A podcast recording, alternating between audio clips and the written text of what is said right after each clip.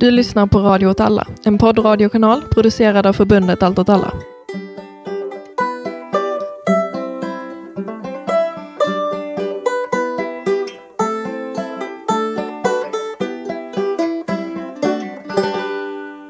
Gott nytt år och välkomna till Allt åt allas nyårsspecial. I det här avsnittet kommer vi ta hjälp av en massa vänner som vi har ringt runt till och prata om vad som har hänt under 2020 och i vilka områden som vi har engagerat oss i. Jag heter Hector och jag sitter här tillsammans eh, med Anna i Malmö. Hej! Och vi har kopplat in Martin på länk från Göteborg. Hej! Hej hej! Glad eh, nyårsafton eller vad man ska säga. Har ni fyllt, eh, fyllt bubbelglasen? Ja, det, det bubblar på här. ja. Vi ska slänga oss lite ut i det här. Man kan ju prata hur länge som helst om hur eh, konstigt år 2020 har varit. Eh, men vi kan väl börja med att fråga hur eh, 2020 har varit för er. Eh, jag har faktiskt haft en toppenår. Känns lite fel att säga. Men jag har faktiskt Toppenår haft... i den globala tragedin. ja. Nej men jag, jag har gjort många saker och flyttat runt och tänker, jag har försökt leva dag för dag. Tycker du att det har gått lättare under pandemin att leva dag för dag? Alltså jag har tvingats till det för att man har inte kunnat göra planer på det sättet. Så då har jag försökt liksom göra saker så länge man kan göra dem. Ta vara på dagen. Ja. Hur har det varit för dig Martin? Eh, tvärtom, det har varit för jävligt. Jag, alltså jag, jag, jag jobbar hemifrån och sånt mycket. Jag jobbar med undervisning och det är så Mm. jävla tråkigt att undervisa på distans. Det är det värsta, värsta jag har gjort. Jag känner mig sämre och sämre för varje dag i det här helvetet. Framförallt också att man väntar hela tiden. känns som man bara väntar på att saker ska försvinna, att man kan göra saker. Ja, Det är tråkigt som fan. verkligen. Så du ser fram emot ett eh, 2021 av, eh, av förhoppningsvis vaccin och, och minsk, minskad smittspridning? Ja, alltså, ja precis. Men, men jag, jag känner att eh, om det här inte fungerar så kommer jag nog... Då, då, då, ja, nej, då vet jag inte vad som händer. Då får du börja anamma Annas livsstil och leva dag till dag och inte, Ja, inte undervisa. Jag har nog haft något litet mellan, mellanting här mellan er två. Um, också haft ganska goda, eller när man bara har pluggat, haft ganska goda förutsättningar att, eh, att tackla hemarbete och så vidare. Men det känns ju bara som att det har varit så jäkla tråkigt. Tycker jag. Som man börjar landa i.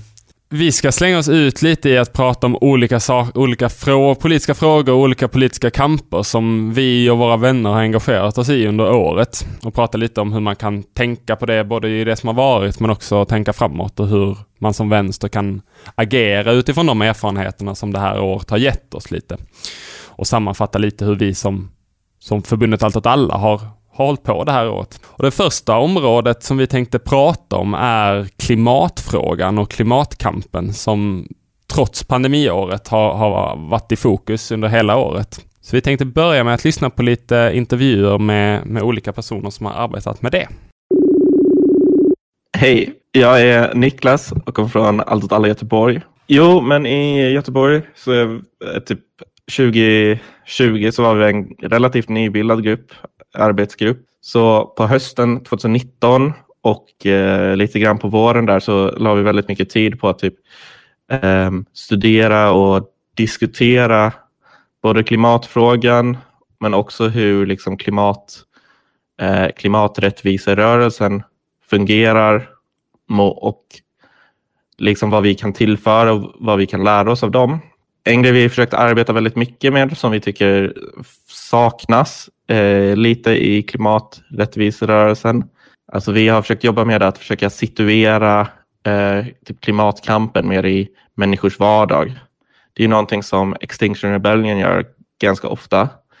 Eh, men i övrigt så är det ganska mycket så att man typ åker på en aktion eller så. Det är lite utanför ens vardag. Men typ om man kommer hemifrån en fet och inspirerande massaktion så tänker vi att det blir bättre om, man, liksom, om det finns saker man kan göra, liksom även hemma. Eh, även om det bara är typ en flygbladsutdelning eller så. Så vi försökte, och, och vi försökte ju använda liksom våra metoder för klimatkamp, eller vad man ska kalla det. Um, och typ spånade väl ganska mycket idéer och hade rätt mycket planerat. Och sen kom corona, uh, så vi var tvungna att ställa in det mesta. Men vi kunde använda oss av det ganska mycket under den här, de här aktionsveckorna för Stoppa Primraff. Eh, den största grejen var väl att vi hade en blockad av raffinaderiet. Eh, för vi har märkt att man eh, i klimaträttviserörelsen gärna lägger väldigt mycket tid och energi. Någonting som vi inte är vana vid. Så vi ville göra en liknande grej eh, fast på ett, ett lite enklare sätt. Ehm, så vi hade vad vi kallade en miniblockad. Där det var typ 50 pers som blockerade i eh, tre timmar. Och det gick ju bra. Eller vi vann ju sen. Eh, det här är Hanna som eh, ni kanske har hört i eh, en, en ny podd som heter Att bränna en värld. Eller så har ni hört mig introprata introprat till Stundens hetta. Det här året har varit så tungt. Jag jobbade som lärare förra året fram till, till mars ungefär. Och då sa jag upp mig och planen var liksom att jag, jag tänkte mig att vi skulle Eh, gå in i en eh, aktivistsäsong. Mycket av, av så autonoma massaktioner och så där sker ju på eh, under sommarhalvåret. Men precis eh, liksom i veckorna därefter att jag hade eh, sagt upp mig så dök corona upp. Och plötsligt så blev allting extremt osäkert. Det var mycket som var så här, kommer det här kunna genomföras? Eh, vad gör vi nu? Eh, jag eh, jag har varit liksom involverad i ganska många olika eh, nätverk eller grupper i, i klimatrörelsen. Eh, och alla blev plötsligt eller liksom lite så paralyserade av eh, hur ska vi kunna planera någonting när vi inte vet hur läget kommer se ut och så.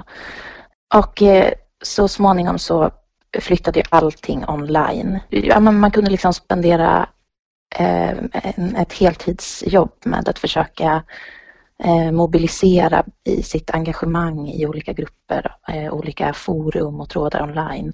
Men när saker liksom händer bara online så känns det typ inte riktigt som att det händer, eller det känns inte som att det händer i verkligheten. Det har, det har i slutändan verkligen lett till att jag eh, tagit ut mig, eller jag har ja, gått lite halvt in i, i väggen, eller så här, gått in i ett hörn i alla fall. Eh, och jag, det har ju också skett saker fysiskt. Eh, Eh, på lite andra sätt än normalt. Eh, NDG-länder till exempel genomfördes fast i en mer, eh, i, i mindre grupper. men eh, sen var ju en grej som, som vi tappade lite i år, den här eh, förberedelsefasen där det tidigare år har varit eh, fråga om liksom ett stort camp där man förbereder allting och som har varit väldigt så som, ja, men som har varit viktiga socialt. Ehm, och, eh, och det förlorade vi lite nu. Vi hade liksom en samlings, eh, olika samlingspunkter i olika städer så där, runt om i eh, renlandet. När det blir möjligt att göra massaktioner igen så kanske man kommer eh, kombinera liksom helt enkelt. Eh, att man liksom kan ha eh, vissa grupper som är eh, massiva och, och, eh, men också ha eh, mindre celler eller så rapporter från ett år av klimatkamp i viss eh, begränsad form eller in, eh, med vissa utmaningar i alla fall. Vad tänker ni om det som Hanna och Niklas beskriver som från året som har gått? Från ett klimatperspektiv så är väl kanske något av det mest intressanta som har hänt 2020 att faktiskt första gången på ganska lång tid så har faktiskt klimatutsläppen minskat i världen eh, under den här pandemin. Som ett resultat då såklart av nedstängning av eh, flygtrafik och eh, tillverkningsindustri och själva handelskedjor och liknande. Det är ju någonting väldigt intressant om hur pandemin faktiskt har på något så här eh, bisarrt och perverst sätt faktiskt har eh, hjälpt klimatkampen på något sätt. Jag läste just precis en artikel som pratar om hur eh, pandemin har gjort vad sociala rörelser har inte kunnat göra, som är just att stoppa samhället på det här sättet. Det har på något sätt visat att det är möjligt, men man måste hitta de argumenter och anledningar så att folk känner att klimatfrågan är tillräckligt viktigt, vilket på något sätt har vi inte kunnat eh, lyckas med det. Men eh, om eh, vi vet nu att när människor tror att någonting är tillräckligt viktigt så är de beredda att ändra sin livsstil eh, på en dag. Liksom. Det visar väl också på eh, något som väldigt tydligt kännetecknande för just ibland det man kallar för fossilkapitalismen. Att fossila bränslen är så ihopkopplade med hur våra liv är strukturerade och då inte bara i någon form av liksom, vi äter kött eller vi kör bil från jobbet eller någonting sånt utan i en ganska grundläggande form av liksom, hur ekonomin kontrollerar hur våra liv ser ut. Liksom. Så någon form av, så här, om man ska prata någon form av kapitalistisk, eh, ja, kapitalismen som system. Liksom. Och att ett stort problem, tänker jag, är ju också att ingen vill ju egentligen leva som vi gör just nu under pandemin. Alltså det, när de här koldioxidutsläppen går ner, det är ju inte så här vi vill att det ska hända. Liksom. Vi vill ju inte att det ska ske på bekostnad av dels då att massa människor faktiskt dör liksom, i den här pandemin. Men också då att vi har ju begränsats på extremt stort sätt. Men de här begränsningarna som vi har nu, de behöver vi inte ha och vi kan fortfarande sänka eh, utsläppen. Problemet är att det är just utsläppen är ju kopplade nu till eh, ekonomin på ett visst sätt. Alltså våra, våra, det, att leva ett gott liv är kopplat till att det finns en fungerande eh, kapitalism. Och det är ju där, tänker jag, det stora problemet är. Hur kan vi övertyga att det faktiskt går att frånkoppla liksom, det kapitalistiska, fossilkapitalismen från ett gott faktiskt liv som Eh, där vi faktiskt kan må bra, liksom, få våra behov tillgodosedda och så vidare. Ja, precis. Jag tror egentligen heller inte att det i denna krisen, även om det, man är begränsad och så, men det är också inte frånvaron av att man får åka bil ibland eller att man inte kan flyga, mm. utan det, det, problemet är att man inte kan få vara med människor och det tänker jag mm. verkligen mm. att man kommer få vara även bortom fossilkapitalet, men verkligen att man har på något sätt fått se liksom vad, ja men verkligen den kopplingen med ekonomin som är väldigt intressant tänker jag. Och att vara med människor är ju väldigt mycket kopplat till konsumtion idag. I, idag, är... precis, absolut. Men jag har känt också väldigt starkt hur eh, en omstrukturering av ekonomin känns inte så tokig just nu. Mm. För att man har sett hur onödigt vissa ekonomiska eh, aktiviteter är och hur mycket plats de tar, till exempel. Eh, och så tänker jag att eh, på något sätt har det varit en stor diskussion om vilka, liksom, vilka jobb som är nödvändiga, eh, vad är det som är mest basalt som en, ett land behöver för att fungera. Det tänker jag kan vara en väldigt bra utgångspunkt för att tänka en, en annan modell, liksom. Där man utgår från, från de behoven. Liksom. Jag tycker också att det är intressant att se hela den här krisen som är en, en medicinsk kris eller en viruskris, pandemin som vi är i nu. Alltså kopplat till den då potentiella krisen av, alltså som man pratar om klimat, man pratar om klimatkrisen som en, som en kris, men den är väldigt mycket mindre så direkt som det är, men det är ganska spännande att på något sätt ändå liksom se men som du var inne på Anna, behovet av att, att göra dem, um, om, att det kommer krävas vissa omstruktureringar. Tycker man ser i förhållande till ekonomin och hur man har arrangerat livet, alltså både på något sånt väldigt stort plan i typ så hur man arrangerar eh, djurhållning och sådana saker. Men också typ hur man eh, organiserar sina samhällen och hjälper varandra och typ behov av välfärd och sånt.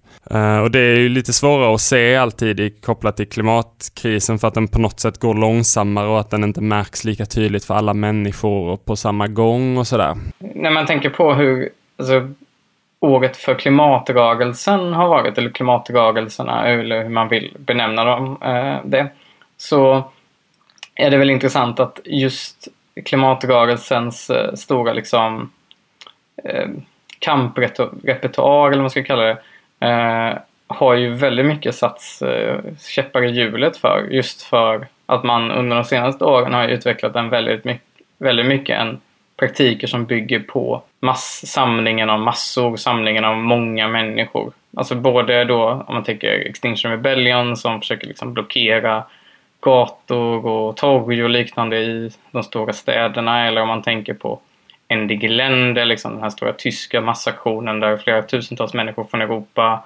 och internationellt liksom blockerar kolgruvor i Tyskland eller om man tänker liksom på Fridays for Future liksom med Greta Thunberg och liknande som bygger på de här stora demonstrationerna. Liksom. Och där har ju man fått tänka om ganska rejält. Eh, och det är intressant att titta på till exempel hur Ende Gelände man, man liksom arbetar med mindre aktioner eller, eller som Alto All Göteborg gjorde. Liksom, att man hade vad man kallar miniblockader där man försökte liksom begränsa antalet människor som deltog men ändå på något sätt eh, fysiskt blockera då ett raffinaderi i Göteborg.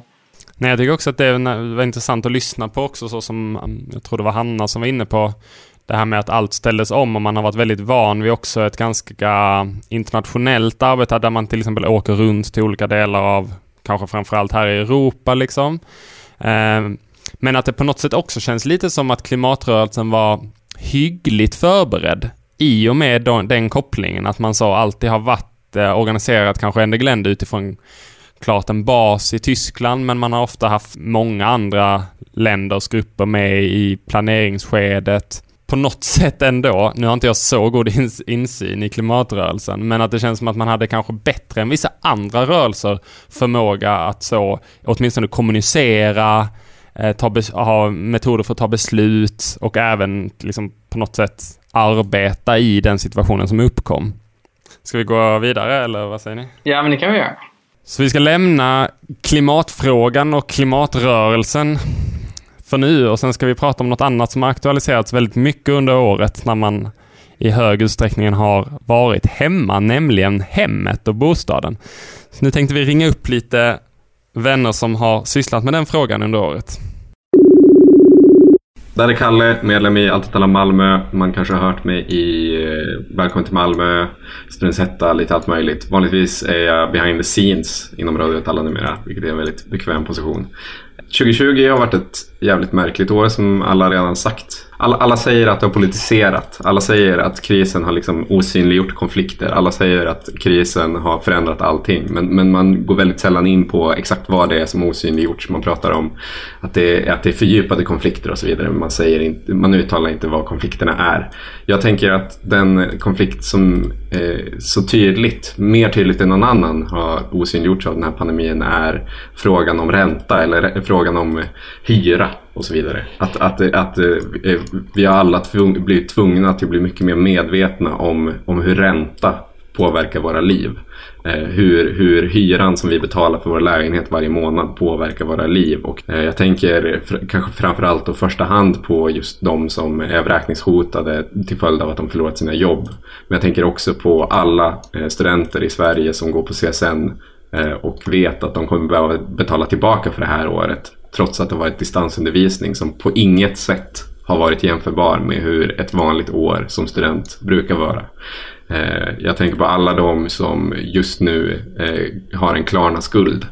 Trots att det har varit en pandemi och ekonomisk lågkonjunktur i Sverige så ser vi att konsumtionsskulderna ökar för varje dag som går i Sverige. Och jag tänker att den här krisen verkligen har osynliggjort eh, vilken press man sätts under att, att alltid axla samhället det är, inte, det, är, det är vi som tar smällen när vi går in i en kris trots att vi inte på något sätt har skapat krisen. Och jag tycker att man märker att den här liksom osynliggörandet av ränta och hyra och inbetalningar och räkningar och så vidare att det har synts även i hur politik artikulerats kring krisen. Vi, vi, ser stora rörelser i USA för att avskriva alla studentlån. Vi ser stora rörelser runt om i världen för att avbryta vräkningar. Vi ser enorma rörelser för att sänka eller frysa hyrorna. Och inte minst eh, har vi i Allt alla lanserat vår frisyren-kampanj. Och aldrig tidigare har det varit liksom så tydligt att det är en helt eh, befängd utveckling där vi av någon anledning varje år tvingas betala mer för ett boende som i praktiken är detsamma eller som i vissa fall till och med blir värre. Speciellt i en tid där eh, vi tvingas axla ansvaret för hela resten av samhället. Det är vi som måste köra ut mat trots att det är pandemi. Det är vi som, det är vi som måste belåna oss för att ha råd med våra tidigare skulder. Liksom. Varför ska vi också betala en höjd hyra 2021? Jag heter Anders och eh, bor på Järnvägen i Göteborg. Liksom. Jag saknar att trängas i en folksamling. Fan, gå på Blåvitt en gång i veckan och, typ, och sjunga med 15 000 andra. Det är helt sjukt vad, vad jag saknar det. Jag träffar, alltså jag träffar mina arbetskamrater och mina grannar. Inget illa om dem alls, men eh, ja, det räcker inte hela vägen. Nu eh, så sitter vi i förhandlingar. Alltså det är förhandlingar med, mellan Hyresgästföreningen och bostadsbolaget och vi har lyckats få in eh, två representanter från vår samrådsgrupp som ska sitta med då på de här förhandlingarna. som är via Zoom då eller något sånt där. Corona gör ju också, det är svårt att agera som man brukar göra liksom. Man kan inte dra ihop ett eh, stormöte med 100 pers liksom. Man kan inte ha en demonstration. Vi, vi anpassar oss så, så att typ, vi har så här småmöten eh, utanför portarna liksom. Och vi eh, kör Zoom-möten men det, det försvårar ju extremt mycket när man inte kan, alltså alla kan inte tekniken liksom och oavsett om man kan eller inte så försvårar det ändå liksom för folk att... Vi får köra mycket på, ja men vi, vi lägger nyhetsbrev i brevlådorna liksom eller stå utanför porten några stycken och köta liksom men det känns som att det är lite svårare att få in nya när man inte kan ha ett stormöte liksom. Om eh, alla blivit vaccinerade nu så hade ju då hade ju vi smält på liksom. Stormöte i parken, vi hade haft eh, en fet demonstration. Vi hade ju verkligen, ja men då kan man knacka dörr och sånt också på ett annat sätt. Det hade ju varit guld liksom. Det, det, det är så jävla pessigt nu. Eh, för det känns som att, nej men, det är både så här fackligt och eh, politiskt och allting så känns det som att eh, arbetsgivarsidan kör på som vanligt liksom. Men all, all, all vår verksamhet stannar av. Ja, man kan inte ha fackmöten liksom. Man kan inte ha demonstrationer eller så här. Vi, för, vi förlorar ju mest på det här om man säger så. Och sen äh, så står man på, på sidan och tittar på liksom och bara... Ah. Eh, jag heter Carolina. Jag eh, har varit alla sedan i februari. Personligt för mig så eh, har väl 2020 varit, det var ju, nej men man, jag, jag hittade ett politiskt sammanhang liksom där jag kunde eh, få göra saker som jag själv trodde på och eh, som jag själv tyckte var viktiga. Så det började ju liksom med väldigt så eh, motiverande och, och, så ambitiöst liksom. Eh, och sen tror jag typ bara att så här, egentligen har året varit att så lära sig att fan det går att göra politiska saker under typ alla så eh, samhällsformer liksom. Alltså så att, eller liksom där nu när vi haft en en liksom pandemi så har det ändå gått att jobba politiskt och det har ändå gått att driva ett arbete man har bara behövt ställa om. Vi fortsatte ju arbetet under hela sommaren när corona fortfarande var och när det pikade liksom från våren och framåt. Eh, vi, försökte, vi bestämde oss liksom att men vi fortsätter arbetet. Det var, folk var väldigt motiverade och drev på. Liksom. Kampanjarbetet så var det ju bara att så lägga upp en plan och att så eh, anpassa planen till liksom, internetbaserat arbete eller typ, vi kanske affischerade liksom, istället för att så träffa massa folk eh, och sådana saker. Och istället för att driva på ja, men, att ha en demonstration eller att så så, så gjorde vi, eh, men liksom vi nå ut i grupper och träffade grupper och det, för det kan, kunde man ändå göra. Andra liksom, bostadspolitiska grupper, det kunde man göra på eh, liksom mindre form. Ja, det har varit ett konstigt år, men jag också inte vet inget annat. Från, vi jobbade ju, liksom jag gick med i stadskampsgrupp tidigt så. Men jag tror väl att vi kommer väl behöva bredda vårt arbete till ett 2021. Alltså att så, att tänka större. Att, att vi har ju tänkt ganska småskaligt nu liksom och så.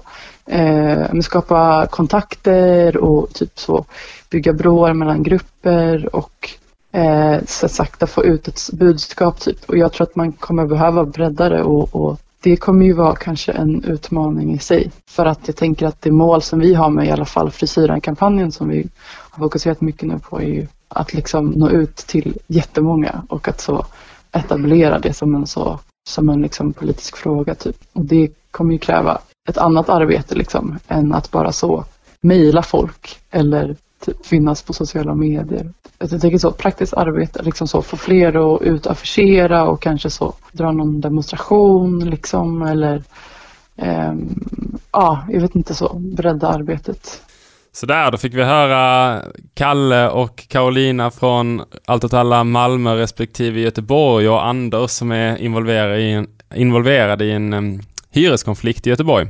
Förutom att fler har börjat så använda köket och hemmet för att baka och, och sätta upp julpynt eh, rekordtidigt, så vad, hur tycker ni att eh, hemmet som fråga har artikulerat sig under 2020?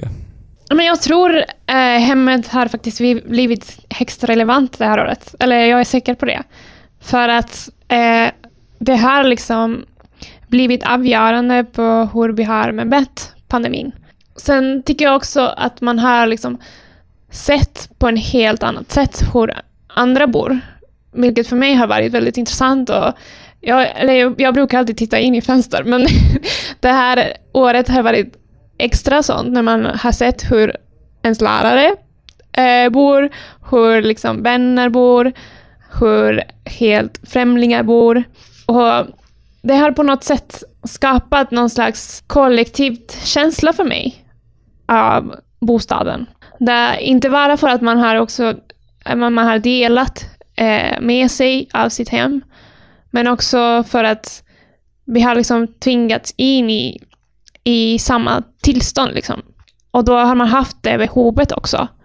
Det stora problemet som har funnits väldigt mycket i bostadspolitiska rörelsen är ju på något sätt att försöka hitta liksom, den gemensamma politiska formen, liksom, praktikerna för en bostadspolitisk rörelse. Anders pratar ju väldigt mycket om svårigheterna just nu under pandemin men jag tänker att, vi tänker att det har funnits problem även innan pandemin kring de här frågorna, hur man organiserar hemmet. Och jag tänker att hemmet är ju någonting vi behöver förstå som någonting gemensamt, alltså någonting som vi delar. Liksom. Vi alla, alla har ju inte ett hem, men alla har på något sätt ett behov av ett hem. Även de som har bostad eller tak över huvudet kanske inte ens har ett hem. Eller våra hem fyller inte den funktionen som ett hem eller uppfyller inte de behoven och begären som vi vill att ett hem ska vara.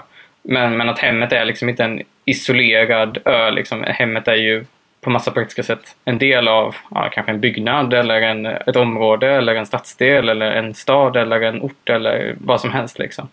Uh, och det är på något sätt att hitta den gemensamma punkten liksom, i hemmet. Uh, göra det till ett vad ska man säga, vapen uh, för, för mer rättvisa städer. Ja, jag håller med. Jag, jag, jag håller med om att bostadsrörelsen har alltid haft svårt att organisera sig. Eller vi, eh, vi två som sitter här i Malmö, vi har också jobbat med, med bostadsfrågor länge. Och även om man liksom eh, hittar nya sätt och nya frågor så har det varit svårt att, att just organisera folk på det sättet som andra rörelser gör, eh, som är mer massiva. Mm. Och jag tror att det har mycket att göra med eh, det som Kalle pratar om, om att det finns någon slags eh, förståelse om att eh, det som har att göra med hem är liksom privat och ens individuellt problem.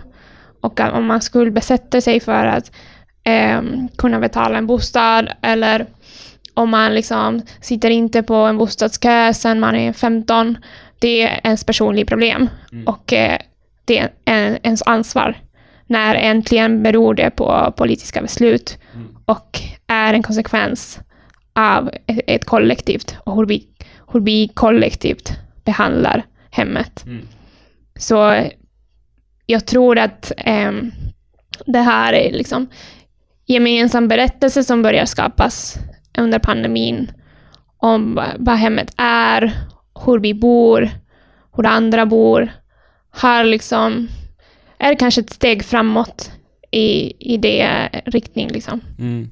Ja, jag tycker också om man tittar ut i andra delar av Europa eller världen där man ser ändå relativt framgångsrika bostadsrörelser eller hyresrörelser. Och att de har ju ofta, tycker jag, men i alla fall se, alltså kommit samman kring just den grejen att eh, ens kvarter eller ens bostad på något sätt är en gemensam, så frångått det individuella, eh, kommit ner till att man har ett gemensamt intresse av ja, men, hyreskvarteret eller hyreshuset eller vad det nu kan vara och som man till exempel har sett i, i Tyskland eller i Spanien eller i um, Storbritannien. Beirut. Beirut. Uh, och på något sätt så har ju den här krisen i med att jag tycker aldrig, att det aldrig tidigare har varit lika tydligt för det här, alltså det här liksom lite diffusa slagordet ibland med att säga att ett hem inte är en vara. På något sätt har det blivit ännu tydligare hur viktigt ens hem är för en. Eh, just det här året när man har spenderat väldigt mycket tid och att det har funnits liksom en stor, eh, också bild av att det är den, den trygga platsen att vara på. Eh, och komma undan det här viruset. Och jag tänker också att det, nu när vi inte har andra politiska rum på det sättet som ett torg har varit innan eller andra samlingsplatser så är det här, alltså man kan ta det ett steg vidare. Att hemmet är inte bara och det är också en, en politisk plats. Eller, eller det är det rummet där politik har, har liksom en, eh, för mig, stör, största, liksom, det synliggjorts. Liksom, för att det är ens vardag. Det är där alla konflikter och också alla förhållanden som man har med sin stad med, eh, blir liksom konkret. Mm. Det där det materialiserats. Liksom.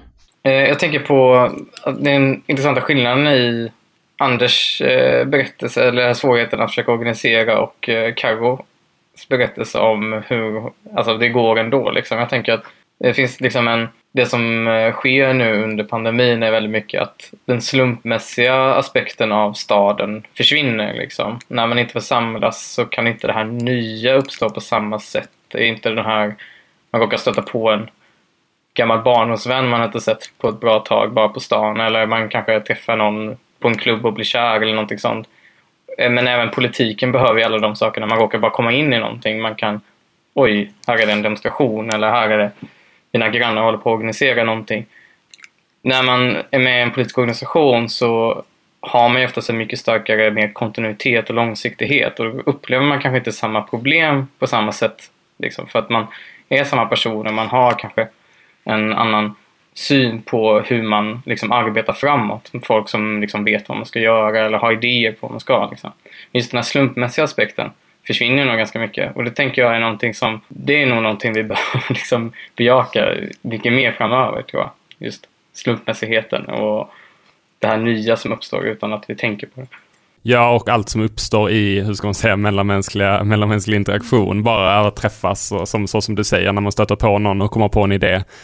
Uh, I något sammanhang som kanske inte är ens ordinarie mötestid eller som är det här liksom givna sammanhanget där, där det ska ske. Vi har ju jobbat med Friskhyran-kampanj som vi släppte första maj och som var någonting som eh, vi hade jobbat i tankar väldigt länge mm. Och hade bestämt för att släppa det här året rent liksom eh, slumpmässigt på något sätt. eh, och eh, vårt krav är egentligen att hyrorna ska frysas. Eh, inte bara det här året, alltså eh, utan framåt. Och eh, eh, detta kan vara ett steg för att kunna tänka bostads, bostadspolitiken eh, från början. Mm. Och belysa eh, bara, vilken, vilken är fienden. Liksom. Jag tänker på något sätt att även om det har varit eh, svårt och kanske lite frustrerande med tanke på att vi hade eh, stora planer, eh, att man är sugen på att träffas i en park eller göra stora saker och knacka på där, så tror jag ändå att, eh, att alltså det har ändå varit lite positivt att frågan har blivit så pass aktuellt. Mm.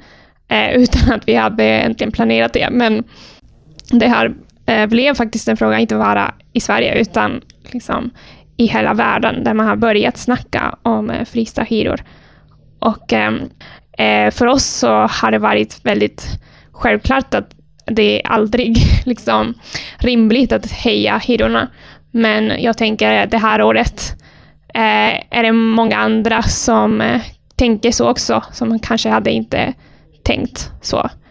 Eh, när liksom IFO-städer i Lund höjer hyrorna för studenterna mitt i julledigheten och utan avtal med Hyresgästföreningen mitt i en pandemi, så blir våra argument väldigt tydliga och det behövs inte ens diskutera. Det, det är bara liksom inte okej okay att göra så. Alltså fastighetsägarna agerar ju som eh, vanligt nu. Liksom. De ändrar inte någonting egentligen. Det är ju, Göteborg har ju den här striden kalendervägen med, som Anders är aktiv i. De ska renovera lägenheterna, så höja, chocka hyrorna, men också Västerstaden, Göteborg och likadant och så vidare. och så vidare. Alltså det, får, det blir ju en ganska, det blir väldigt tydligt för människor just i vilken aspekt det här är just en gemensam fråga. Liksom. För nu kanske det är många som kanske inte har råd att betala sin nuvarande hyra. Och då ska den höjas och bli ännu större. Uh, det, det, blir ju liksom på något sätt tydligt. Verkligen.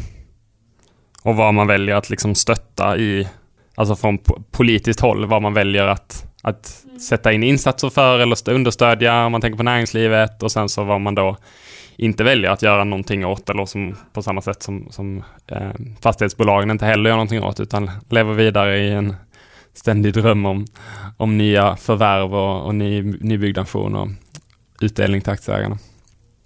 Det visar väl också det absurda just i att staden inte är betraktas som en gemensam angelägenhet från politiskt håll. Att det inte är någonting som vi ska kunna bestämma över eller ha makt över utan det är något som fastighetsägare och kommunpolitiker ska utforma åt oss. Liksom. Och de gör det ju inte för våra intressen eller för vad vi vill eh, skapa för städer eller områden eller vad det nu kan vara.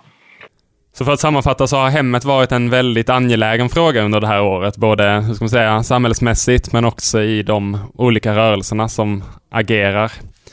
En annan fråga som har varit stor och som man har pratat om från dag ett egentligen eh, under det här året har ju varit frågan om arbete och man har pratat mycket om eh, sjukvårdsarbetare, man har pratat om andra samhällsviktiga arbeten, man har pratat om gigarbetare. Så vi ska ringa upp lite personer som har varit på olika sätt engagerade i frågan om arbete. Eh, jag heter Lovina och jag är aktiv i organisationen Gigwatch som eh, sysslar med opinionsbildning och granskning och research och organisering inom eh, gigekonomin. Eh, 2020 för Gigwatch har varit som för alla andra eh, men alltså omvälvande och att vi behövt tänka om våra strategier. Eh, å ena sidan så har ju eh, vi har fått de här stora eh, mediala genomslagen med att vi fick medverka i eh, Nyhetsmorgon och prata om Amazon. Eh, och vi har blivit intervjuade i en hel del tidningar och fått eh, stora debattartiklar och så publicerade. Men jag tror att det är lätt för organisationer att hamna i någon slags, alltså att man blir ganska fokuserad på medieutrymme och liksom opinionsbildning och allt det. För det är ganska, alltså jag eh, håller väl på liksom lite med så kommunikation och ljud och sånt. Så jag, för mig är det ganska lätt typ. Och det är ganska, alltså man får ju ofta mycket eh, gensvar så det är ganska alltså, givande på det sättet att det är liksom kul att få respons typ. Men jag tror att vi har liksom känt att vi kanske liksom inte bara vill ta den rollen. Eller det är ju lite problematiskt att liksom sitta... Man vill väl liksom inte bli bara någon som sitter och tycker en massa grejer. Utan man sysslar väl ändå med liksom organisering och sånt för att man vill förändra någonting. Dels i våras så gjorde vi ett arbete med att försöka typ komma i kontakt med arbetare som jobbade på TipTap. Eh, en sån här sophämtningsapp. Eh, och det, var ju en eh, ut, utmaning för att eh, alltså, man syns alltså man har inga liksom, arbetskläder eller så när man jobbar för TipTap utan eh, så att vi fick liksom vara lite kreativa och testa oss fram och då testade vi att lägga upp egna annonser i appen. Eh, och så blev man bannad och då fick man skicka eh, bilden till en kompis som fick lägga upp det och alltså, ja, höll på sådär. Vi fick kontakt med en hel del och intervjuade dem och försökte liksom eh, få en liten bild av vad, vad de tyckte var liksom, eh, problem i sitt arbete eller med företaget och vad, vad liksom som konkret skulle kunna förbättras. Men det var väldigt svårt att Alltså det var svårt att få folk att typ eh, dyka upp. Men det är väl det kanske alltid liksom. Men det, för det finns ju liksom i den här appen eller så, så finns det ju ingen, finns ju liksom ingen mötesplats. Det var många vi pratade med som liksom inte kände någon annan som jobbade med det. Så den alienationen är verkligen en stor utmaning just inom organisering för i gigekonomin. Hej, jag heter Evelina och jag kommer ifrån Allt åt alla i Göteborg.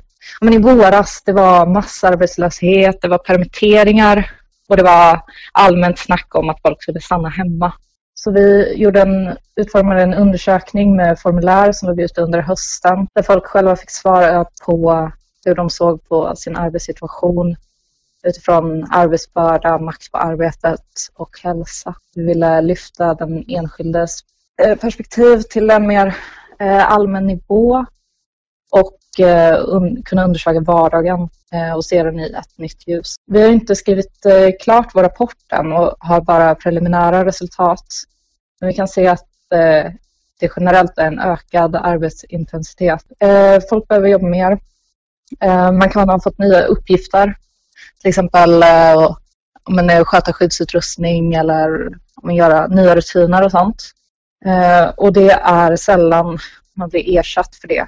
Det är eh, generellt, det funkar i både offentlig sektor och privat sektor. Folk jobbar mer och intensivare. Och eh, samtidigt som det har varit ganska mycket permitteringar och så, så har folk vittnat om att de har varit permitterade men eh, företagen har fortfarande ökad omsättning. Upplevelsen av att vara i en pandemi har, eh, får folk att reflektera mer kring sitt arbete och eh, frågan om makt för arbetet är väldigt eh, brinnande. Vi kommer att släppa en rapport nästa år eh, där vi kom eh, resultat och den rapporten ska kunna användas av folk Hej, mitt namn är Martin och jag brukar vara med i Stundens hetta som är ett program på Radio alla. Jag är också medlem i Allt alla Malmö. Ja, 2020 har varit ett riktigt jävla pissår eh, generellt. Både alltså, socialt och privat och allt sånt där. Eh, politiskt har det varit intressant om man tittar på de stora proteströrelserna som varit runt omkring i världen. Framförallt i Chile och, men också i USA. Eh, det har rört på sig på ett sätt som det inte gjort på många år i de länderna. Men eh, om man, om man ser på 2020 så var det väl en tid av eh, omorganisation internt i de, i de politiska grupperna jag agerar i eh, där man har lärt sig att bättre samarbeta via digitala kanaler vilket medfört att man också kunnat jobba lättare både nationellt men också internationellt. Eh, och det är häftigt att se. Så det är väl det man kan ta med sig från 2020, att det är lite samma sak som man lär sig på jobbet, alltså att ha digitala möten, tvingas till det. Eh, och det har medfört eh, bra saker politiskt också. Eh, allt alla som jag är med i till exempel har ju börjat jobba mer eh, eh, nationellt på grund av coronakrisen kan man säga. Och, eh, vilket medför att jag tror att jag har stora förhoppningar inför 2021 och framåt. Eh, samtidigt så har jag också, precis som alla kriser i världshistorien, den här krisen eh, eh, omgestaltat samhället på många sätt. Så att det finns också en bättre grogrund kanske på att agera politiskt under nästkommande år. Eh, dels har vi ju eh, vissa faktorer som ökad arbetslöshet, ökat tryck på bostadsmarknaden, eh, nedsatta inkomster och sånt som gör att just radikal vänsterpolitik borde vara ett, eh, ett större alternativ för fler. Men eh, sedan så eh, kan man också se att eh, den här krisen har skapat möjligheter att kritisera en eh, liksom, välfärdsstat som fallerar i Sverige. Och de har ju sett nu till exempel de här jätteintressanta samtalen och, och debatterna om eh, privatiseringen av både skolväsendet men också sjukvården. Så jag tror att eh, de kommande åren kommer eh, andra frågor bli stora som kanske mer gagnar oss än det här fruktansvärda kulturkriget som pågått i tio år. Sådär, då fick vi input från Lovina och Evelina som båda på olika sätt har sysslat med undersökningar av arbete under året och av Martin från Atala Malmö som pratade om det politiska arbetets omorganisering.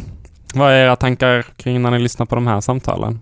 Jag tänker att arbetet är ju, blir en väldigt viktig fråga i människors liv just nu av den anledningen att antingen så är det så att man inte har ett arbete eller så man har förlorat sitt jobb, man har blivit arbetslös eller att man inte kan få tag i ett jobb nu på grund av ekonomisk kris. Men för oss som fortfarande har ett jobb att gå till så blir det också så att vi går till väldigt annorlunda jobb än vad vi brukar gå till. Delvis för att vi kanske då kanske tvingas till hemarbete eller liknande eller de som faktiskt också tvingas gå till arbetsplatser där man riskerar att bli smittad eller liknande. Och jag uppfattar i alla fall eh, på mitt håll och bland mina vänner att alltså, generellt sett att det är ökad liksom, konflikt på våra arbetsplatser just nu kring frågor som handlar kanske just om smitt, eh, smittskydd eller att man får fler arbetsuppgifter och liknande. Och då tycker jag att det är väldigt intressant just när vi undersöka just de här villkoren. Vad är det som händer i pandemin just nu? Vad är det som, vilka förändringar är det som sker och vad kommer det innebära liksom för konflikterna på arbetsmarknaden eller på våra arbetsplatser nu framöver? Ja, jag tyckte också det var intressant som eh, Lovina var inne på kopplat till att de här, eh, en del av gigföretagen och så saknar och de anställda där eller de som, som arbetar för de företagen saknar mötesplatser och på något sätt så blir det också en liknelse med hela den övriga isoleringen som jag tänker att många också som har arbetat hemma, som tidigare haft ordin- äh, alltså vanliga arbetsplatser, haft. Och hur pass mycket, alltså hur pass svårt det också är att, kan jag tänka mig, jag vet inte vad du har för erfarenhet av det Martin, även om det är mer konflikter, men att det också finns en inbyggd svårighet när man inte kan träffas på något sätt. Och som ju karaktäriseras väldigt mycket av gigekonomin men att det också skapar nya möjligheter för konflikter och det väcker nya frågor men också skapar en helt nya eh, handlingsrepertoarer på något sätt. Ja, alltså till exempel inom vissa yrken så tror jag det kan bli... Då är det ju bara ett klick iväg att träffa någon nu, vilket kanske inte var tidigare. Eh, och det är ju faktiskt en skillnad från eh, vanligtvis hur det brukar vara. Det är ju också mycket enklare att så här, eh, göra saker bakom sin chefs rygg, eller man ska säga också. Eh, liksom man, eh, när man jobbar hemifrån. Jag tänker också väldigt mycket på alla de människor som faktiskt fortsätter gå till arbetsplatser. Eh, framförallt då kanske jag, i den här undersökningen som Allt i Göteborg mig, som jag också varit involverad i. Då är det ju framförallt människor som jobbar, till exempel butikspersonal eller folk som jobbar med logistik på olika sätt som pratar väldigt mycket om just problem med att man riskerar att bli smittad på jobbet eller man, man kanske jobbar i en restaurang eller liknande. Man man pratar ju väldigt mycket om att människor ska jobba hemifrån men man tar inte hänsyn till alls att det finns massa människor som är tvungna att gå till jobb där man överhuvudtaget inte kan skydda sig, eller där det är väldigt mycket svårare att skydda sig eh, för smittspridning. Och det har man politiskt håll inte liksom tagit hänsyn till i princip. Det verkar som att de sektorerna överhuvudtaget inte existerar ibland. Mycket ansvar för att eh, ekonomin ska fortsätta fungera eller så har hamnat på de här personerna. Mm. Som till exempel, i, eh, jag har bott i Milano de senaste månader och där eh, strategin från liksom staten har varit att för att restaurangerna ska kunna hålla igång så är liksom delivery, så Foodora och sådana här appar eh, är fortfarande igång. Men man kan liksom inte gå på middag i restaurangen. Och det har ju gjort att hela stan är liksom eh, bara en så eldetumt där eh, de har människor som är, som är väldigt utsatta och eh, i många fall är inte ens liksom med, alltså de är migranter och har liksom inga rättigheter alls på sitt arbete.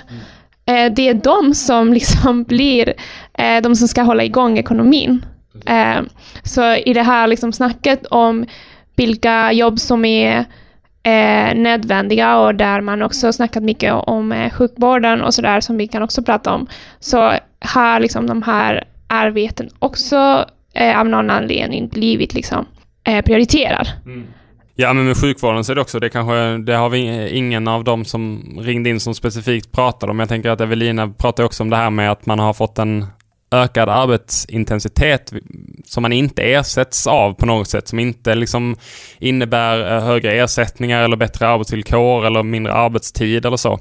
Eh, utan att man kör på som vanligt och det är ju, jag tycker att man blir alltid lika, på något sätt alltid lika upprörd när man, när man hör de här berättelserna från vården under det här året när man har haft otroligt hög arbetsbörda och det har ju, äh, det är liksom, jag tänker att alla de som har jobbat inom det är såklart jättestolta över och så. Men att man från ledning och politiskt håll inte direkt har gjort någonting åt det. Man hade också en period med relativt med, alltså som en minskad smittspridning där man fortfarande liksom inte gjorde de här kanske stora åtgärderna som kanske hade behövts Uh, och det ser som, som det ser ut nu så liksom annonserar region efter region glatt om julklappar till, till de anställda på, på ett par tusen som väl motsvarar någon hundrings eh, extra lönepåslag på, per månad.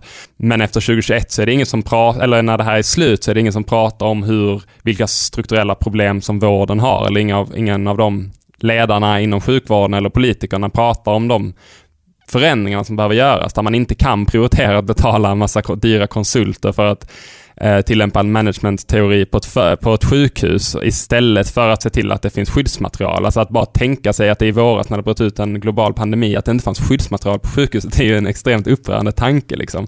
Tvärtom så har ju, har ju vården, eh, alltså 2019 så, och i år, så 2020, så har ju Sahlgrenska och Nya Karolinska förlorat alltså 100 miljoner, alltså det, flera miljoner i personalkostnader har skurits ner. Skurits ner.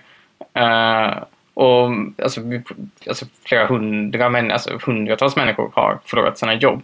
Samtidigt som man, vilket då, då, vilket då såklart skapar en mycket sämre arbetsmiljö som gör att folk i sin tur inte vill jobba inom vården.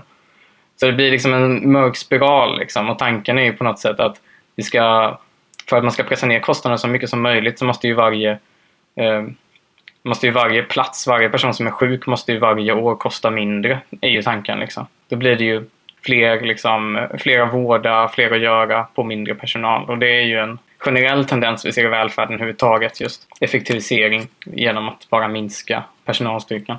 Ja, och jag tänkte att det, eh, jag läste om att det är väldigt många som har sagt upp sig mm. inom vården. Och det har jag tyckt varit väldigt intressant, liksom. Att man, jag ser det som en form av protest, liksom, att säga och, eh, man kan inte jobba på det här sättet mm. och med den här ersättning. Och att folk är utmattade och det är liksom ett problem som kommer vara med oss i flera år. Mm. Och även när pandemin är över så behövs det en fungerande sjukvården och, och när man inte har någon personal eh, så kan man inte ge en bra service eller så till patienter. Eh, nej men det visar väl också på en allmän inställning till välfärden som finns hos politiker som är att tanken är ju på något sätt att man ska vara pressad när det inte är en pandemi. Alltså då ska det vara eh, då ska det vara precis på gränsen. Så det, det är det som är mest effektiva så att säga. Att man inte eh, att man utnyttjar var, varje arbetstimme från varenda person. Alltså tanken om att det skulle vanligtvis när man jobbar, att det skulle kunna vara slappt. Att det inte skulle behöva vara så stressigt. Att man har många personalstyrkan, man kanske till och med kan eh, inte behöva anstränga sig så mycket någon timme eller så. Det är någonting som inte finns i politikernas värld. Och sen när det blir en global pandemi och sjukhusen såklart inte då är såklart sjukhusen inte rustade för det. Och då blir det ju på något sätt, om det är på gränsen innan pandemi, då blir det ju såklart omöjligt eller omänskligt att tänka sig att människor ska klara det under pandemin. Ja, men också att eh, man eh, tycker från regeringshåll att det räcker med att eh, säga att, eh, att ni är viktiga att, eh, och ge några tusen och att det räcker för att eh, människor ska jobba 12 timmar per dag, ha liksom ingen ledighet och också jobba under omständigheter som inte är acceptabla, som när det inte ens fanns skid. Mm. Eh, så jag känner på något sätt att det är fint att folk säger upp sig och markerar tydligt att det, det är inte så man löser det här. Det räcker inte. Man måste ge en ersättning mm. som motsvarar som det man jobbar, men också bara ge normala arbetsförhållanden. Precis, och ge alltså förutsättningar att ge, ge den vården som man ju vill ge. Liksom, eller ska man säga en säker och trygg och, och, och riktig vård såklart. Som man ju upplever att blir väldigt, väldigt svårt. Vi har betat av klimatet, hemmet och nu arbetet. Så vi ska gå in på den sista, det sista området för politisk organisering där vi har sett olika rörelser aktiva under året och det är det som vi har valt att kalla de som varit involverade i det sociala facket. Så ska vi lyssna lite på de samtalen. Hej, eh, jag heter Elof och jag är med i Cyklopen. Och jag heter Viktor och är också aktiv på Cyklopen, eh, det här kulturhuset i Högdalen i Stockholm. Men alltså från våran liksom högst egna horisont här i Högdalen så blev det inte så jävligt som det skulle kunna ha blivit. På ett sätt är det såklart snårigt. Liksom bara, för jag tänker den första gemensamma reaktionen i huset när det blir en pandemi eller en kris är ju att vilja öppna huset. Eller att tänka hur vi kan liksom ha huset öppet och aktivt och som en och stödjande. Vilket ju inte alls var möjligt. Så vi, det ställde ju en massa frågor till oss. Mm. Och vi vi insåg snart att vi fick göra det på andra sätt än att ha det öppet. Och istället så blev det kanske en möjlighet att ta ett steg åt sidan. Att när vi inte kunde hålla på med driften som vi har gjort de senaste åren så istället möjliggjorde det kanske ett samtal om vad ska ett sånt här hus vara bra på? Hur kan ett kulturhus i orten vara meningsfullt? Eller varför ska vi ha ett sånt här? Så plötsligt så möjliggjordes att vi hade tid för att ställa oss de här slags frågorna men också för liksom, välbehövlig restaurering av huset. Så det har också varit ett väldigt praktiskt år på så sätt att vi har tagit hand om huset och under sommaren så byggde vi en amfiteater.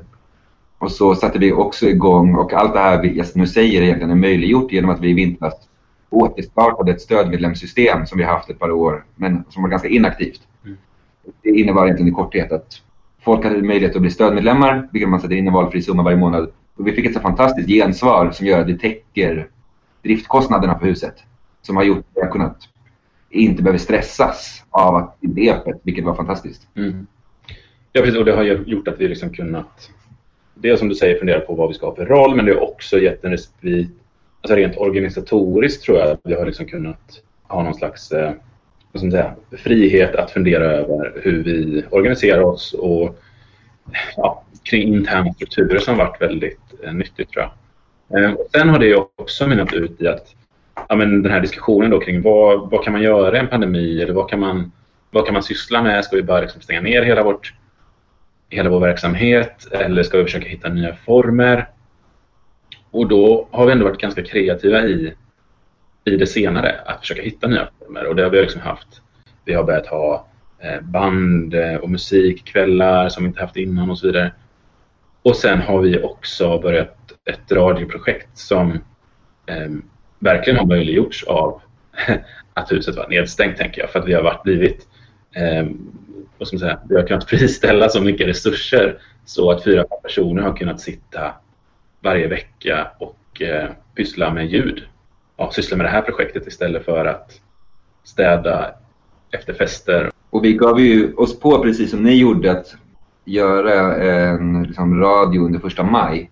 Och på något sätt så, det blev jävligt åtminstone lustfyllt att hålla på med veckorna innan. För jag tror att liksom, vi alla kämpade under den här tiden liksom, med jag vet inte, rädslor och ledsamhet liksom, och en osäkerhet vad fan vi skulle göra. Mm. Men när vi satte igång med det där blev det också tydligt att liksom, alla musiker och konstnärer var liksom arbetslösa. Så plötsligt fanns det tid. Så alla svarade ja. Det var, liksom, det var vilt. Vi skickade ut ett förfrågan ganska brett och vilt. Och jag tror i princip alla svarade ja. Så vi hade liksom 130 medverkande under de där 22 timmars radiosändningen. Mm.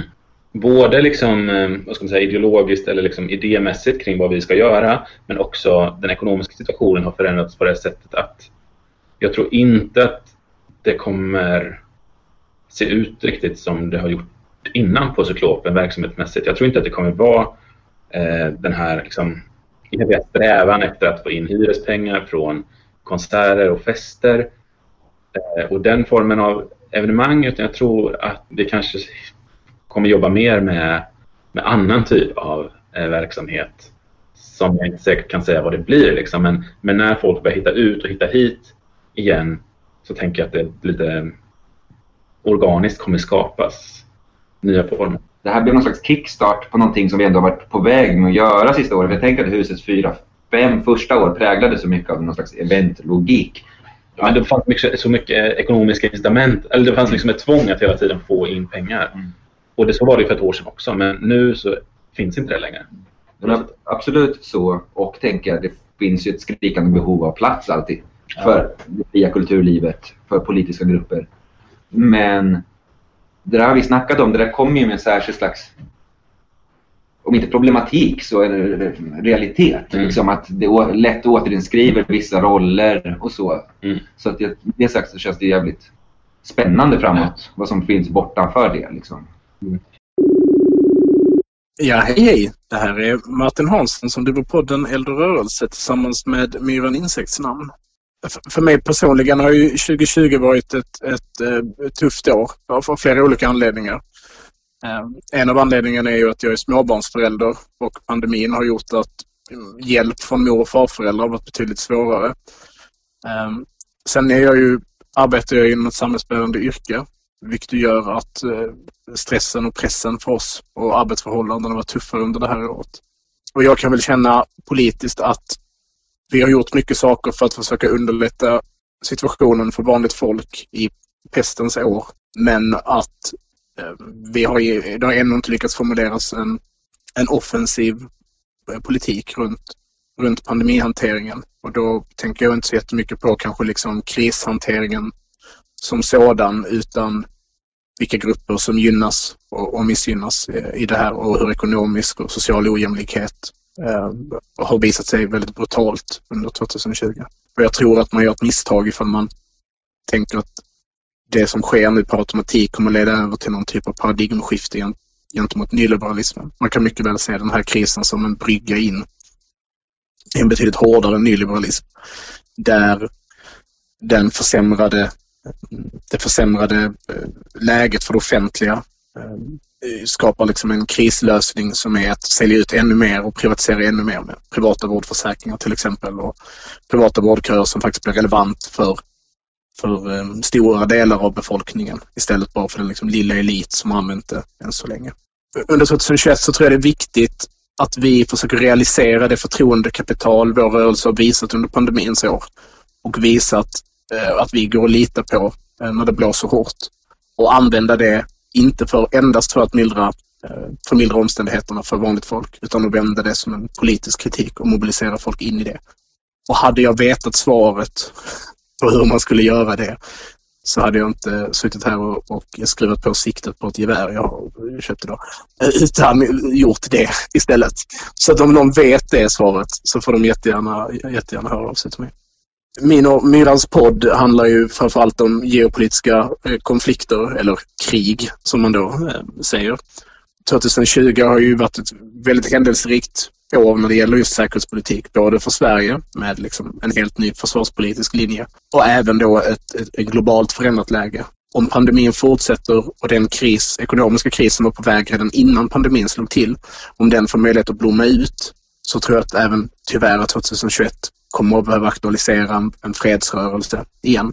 Jag tror att det finns liksom en risk att de här fyra ryttarna av apokalypsen, där liksom sjukdom är en av dem, så är kriget annat. Och risken i det här, det året vi går in i, är att många av de begränsade militära konflikterna vi har sett riskerar att blomma ut till någonting större.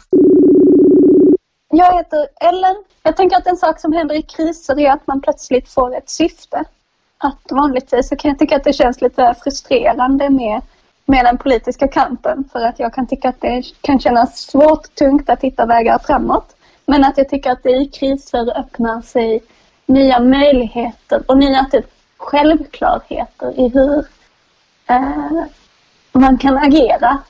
Så på det sättet tycker jag att det ur ett aktivistperspektiv har varit ett lätt år. Jag har varit eh, involverad i Granne till granne som har varit eh, liksom ett eh, ömsesidigt hjälpnätverk mellan människor som är isolerade och behöver hjälp med att få hem grejer, handla mat och sånt. Och, um, och människor som kan uh, känna sig frustrerade och vill göra något och som då uh, kanske levererar hem grejer. För att jag tänker att den här um, pandemin har liksom mot uh, medlet eller medicinen mot pandemin har liksom varit isolering och det har varit jäkligt deppigt. Men att i Granne till granne så har vi liksom hittat en politisk kamp i att återuppväcka gemenskap och på någon, något sätt så har den här isoleringen också visat på hur extremt beroende vi är av varandra men också vilka möjligheter vi har till att självständigt liksom organisera oss gemensamt.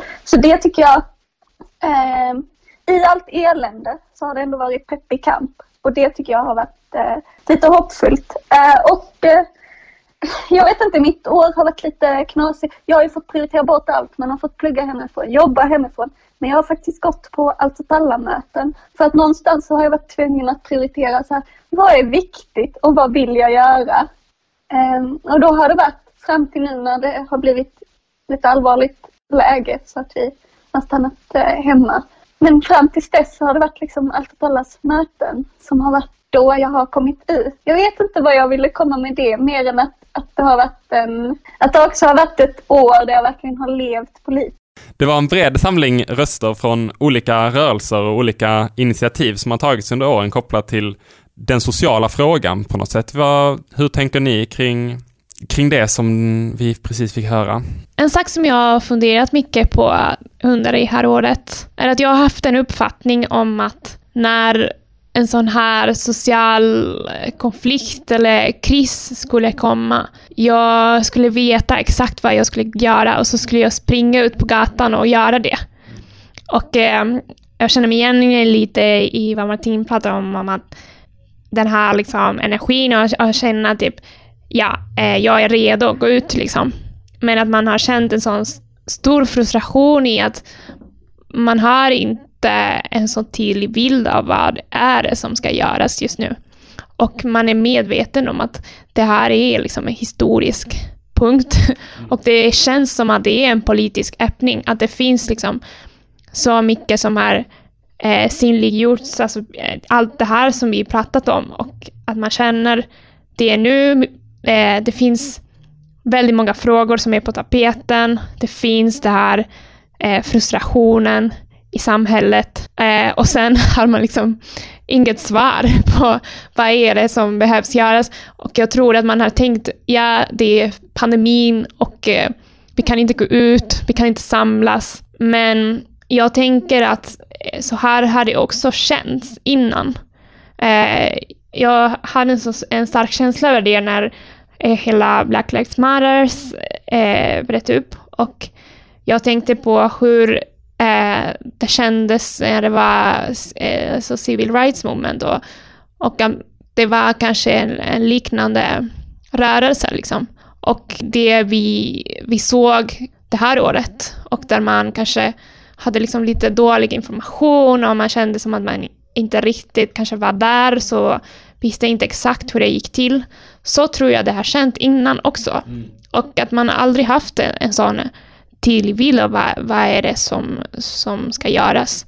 Jag tror att det kan vända sig, alltså att man kanske vaknar en dag sådär. Men jag, men jag tror att, att det är viktigt att liksom eh, förstå och också för sig själv, liksom, för att förlåta sig själv lite, att, att det här är en process och att vi håller på att hitta de svar. Och jag, jag tror att vi kommer kunna använda allt det här energin, men att vi måste också sl eh, sluta vänta på något sätt, att det ska komma till oss.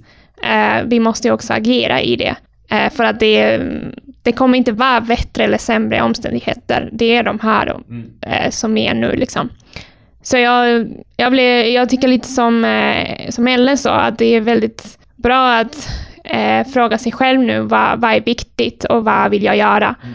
Och liksom eh, göra det.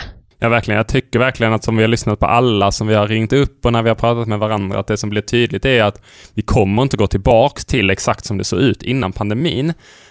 Och på något sätt så blir det ju ett vägskäl eller liksom en brytpunkt i att välja hur ska vi organisera våra samhällen och våra liv.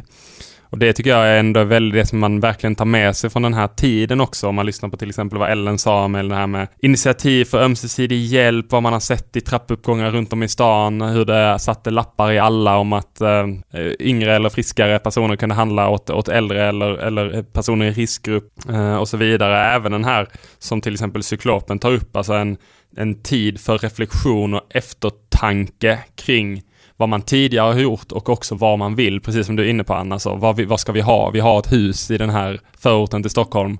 Eh, ska vi ha fest där och städa ölburkar varje söndag morgon? Eller ska vi, vad ska vi göra med det här? Och det, där finns det också en stor öppning att det kan ha funnits tid till, till reflektion och eftertanke kring sådana basala grejer som man inte bara fastnar i att, att hålla på så som man gör i sin organisation eller i sin, sin rörelse på något sätt också att vi tar ansvar på att försöka Alltså vi som social samhälle kraft tänker också på att försöka definiera vad vi tycker är viktigt i samhället också. Att, eh, jag tänker väldigt mycket på just eh, att eh, i den svenska strategin så har ju väldigt mycket handlat om att stänga ner sociala eller gemensamma platser. Alltså platser som först och främst kännetecknas av att vi möts och att vi träffas.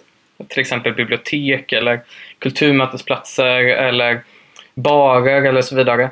Det intressanta med alla, alla de platserna är ju att även fast viss, de i viss mån kanske är uttryck för konsumtion så är de också platser där, som kännetecknas först och främst av liksom det sociala deltagandet av alla personer som tar plats. Men, och det attackerar man liksom, och det är ett problem, vilket, vilket kanske inte är så konstigt, men konsumtion liksom, som ses som någonting individuellt isolerat beteende trots att det fysiskt sker liksom, i trånga utrymmet, det liksom ska fortsätta ta plats i samhället.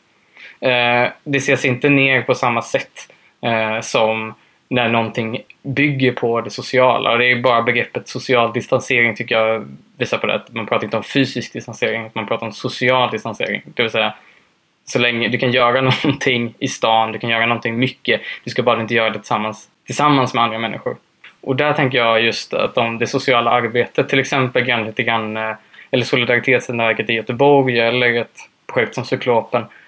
de, de spelar ju en väldigt viktig funktion där att försöka definiera vad är det vi tycker är viktigt och vad är det som politikerna eh, eller näringslivet eller vilket det nu kan vara inte tycker är viktigt.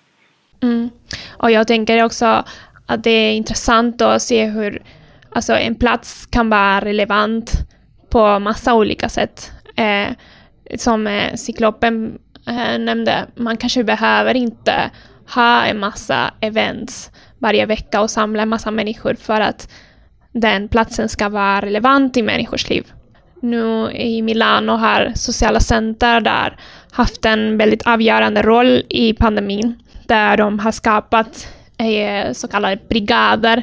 De här grupper av människor som har eh, blivit väldigt stora nätverk av studenter, folk från vården nu, aktivister, eh, men även eh, delar av kommunen, har liksom gjort de här eh, platserna till eh, någonstans där man kan hämta mat, där man kan ta del av kultur på ett annat sätt.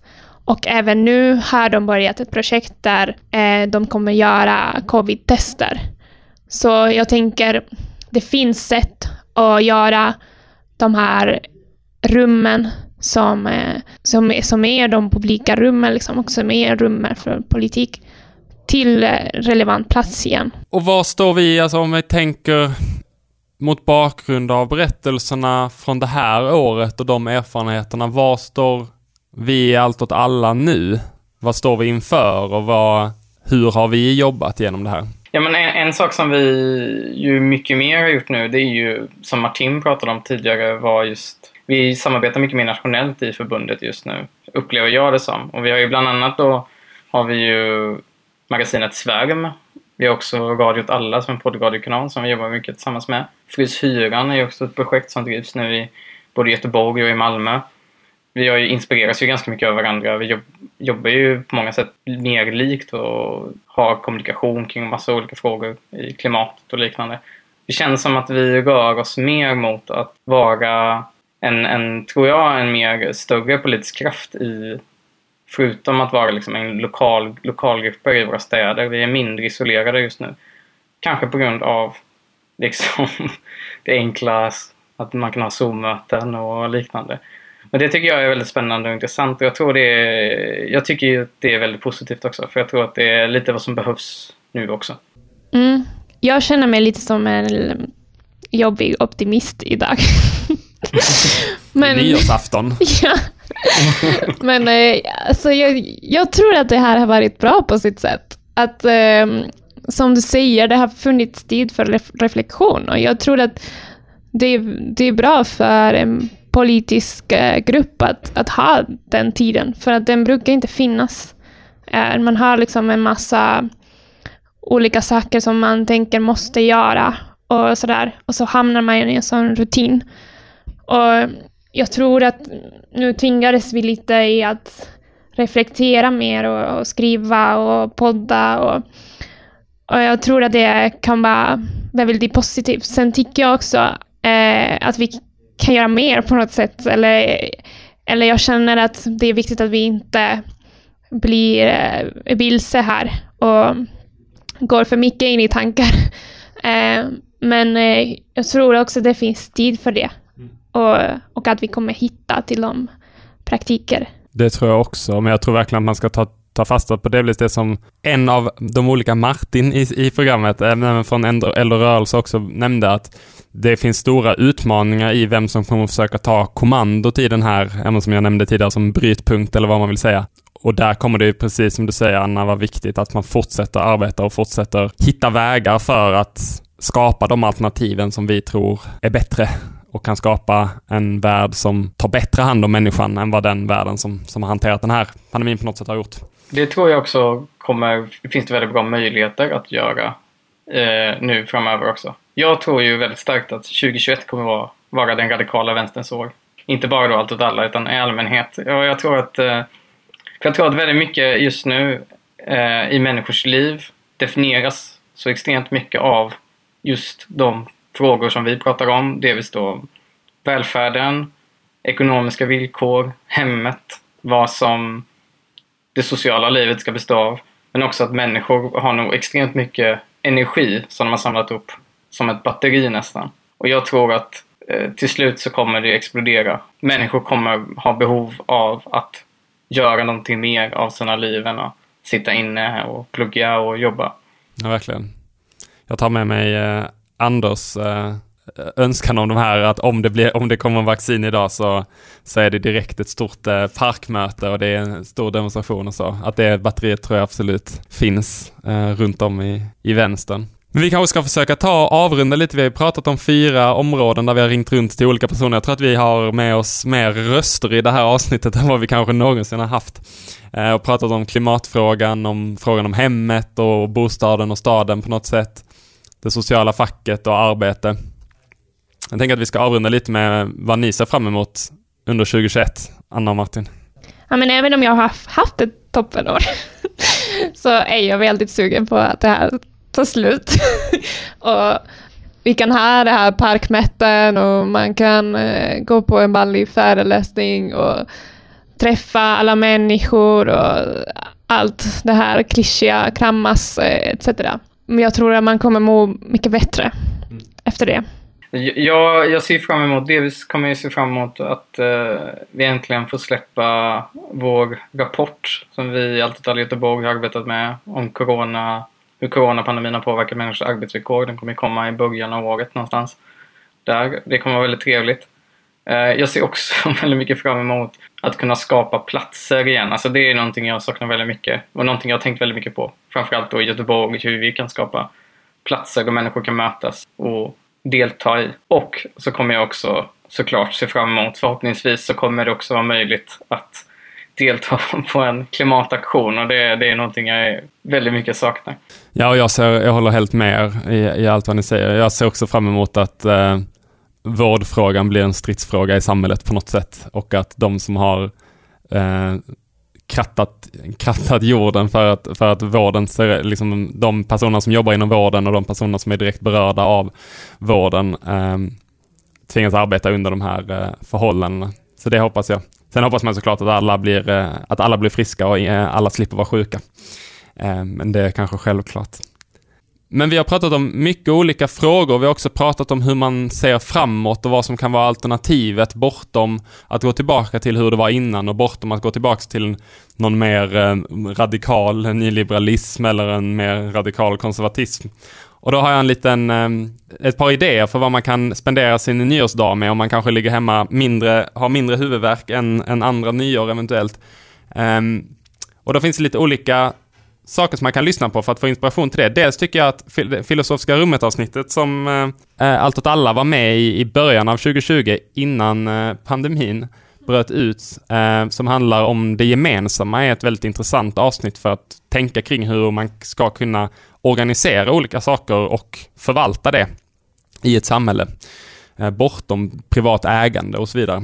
Så det tycker jag är en. Jag tycker också man ska kolla in det senaste numret av magasinet Svärm som finns på alltåtalla.se som handlar om just coronapandemin och från olika perspektiv berör det som vi har pratat om idag. Så det tycker jag verkligen man ska kolla in. Och sen apropå vårdfrågan så tycker jag man ska kolla in boken Care Manifesto som har getts ut på Verso som handlar om visioner och möjligheter inom vård och omsorg. Vi gjorde också podd om den. Som det också finns en podd om. Den kan man också lyssna på.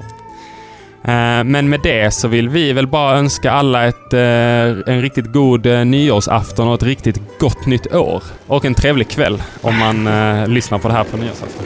Gott nytt år! Gott nytt år! Hej hej! Hej då!